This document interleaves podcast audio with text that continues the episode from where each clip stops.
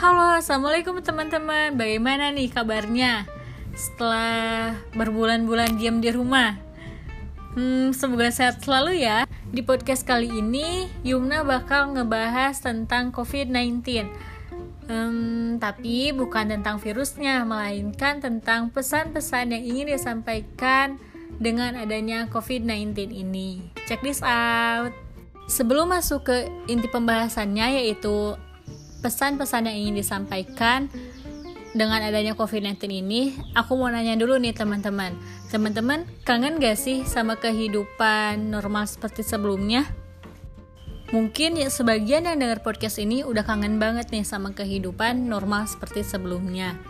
Entah itu terhadap suasananya atau terhadap kegiatannya ataupun terhadap orang-orang yang biasa ditemuin pada setiap harinya. Gak kerasa ya teman-teman, udah lebih dari tiga bulan ini kita melakukan semua aktivitas di rumah saja.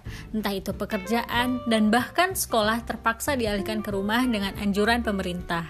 Walaupun ada sebagian dari kita, entah itu teman kita ataupun keluarga kita, yang masih harus tetap menjalani kehidupan seperti biasanya.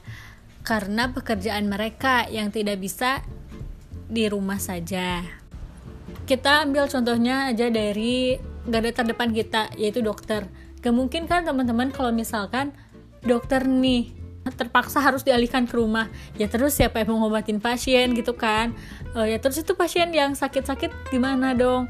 Nah makanya teman-teman uh, teman-teman yang yang bisa di rumah aja tetap di rumah aja ya. Jangan keluyuran main keluar keluar kalau misalkan itu nggak penting coba keluar rumahnya dibatasin. Oke jangan bandel ya. Aku ngerasain banget kok gimana bosennya diem di rumah aja.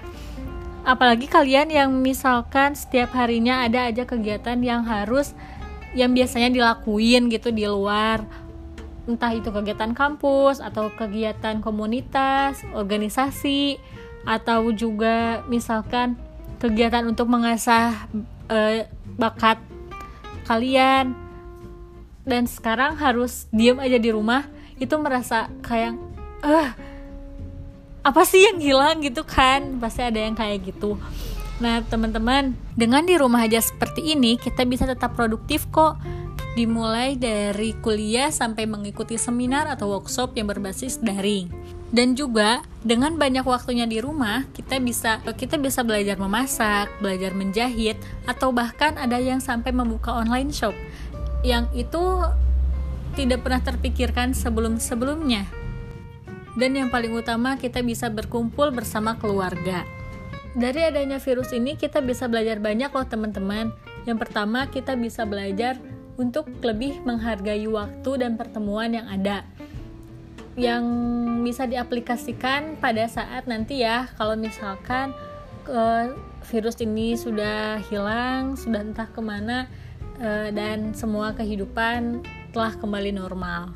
Pelajaran kedua yaitu kita bisa lebih peduli terhadap kesehatan. Dimulai dari kita rajin menggunakan masker pada saat keluar rumah terus rajin cuci tangan.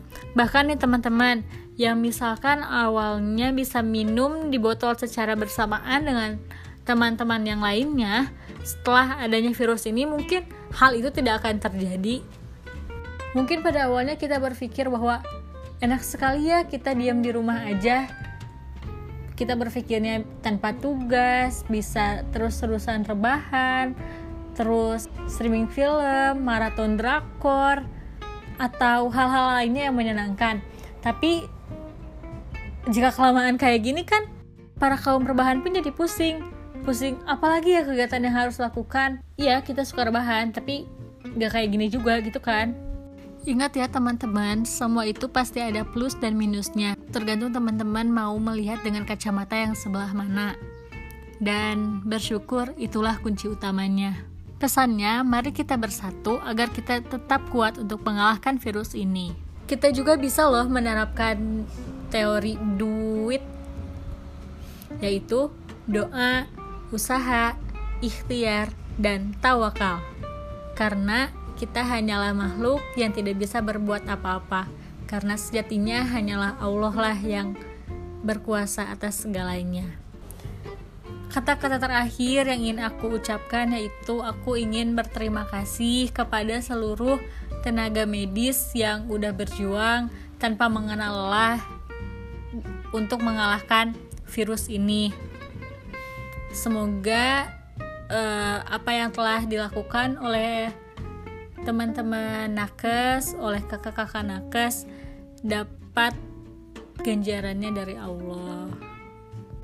Dan pesan-pesan yang ingin aku sampaikan untuk teman-teman yang dengar podcast ini yaitu untuk tetap semangat, untuk tetap jaga kesehatan, jangan lupa berdoa, dan jangan lupa bahagia. Semangat untuk kita! Untuk podcast episode kali ini saya cukupkan sekian dan jangan lupa untuk terus mendengarkan podcast-podcast selanjutnya. See you next time. Bye bye.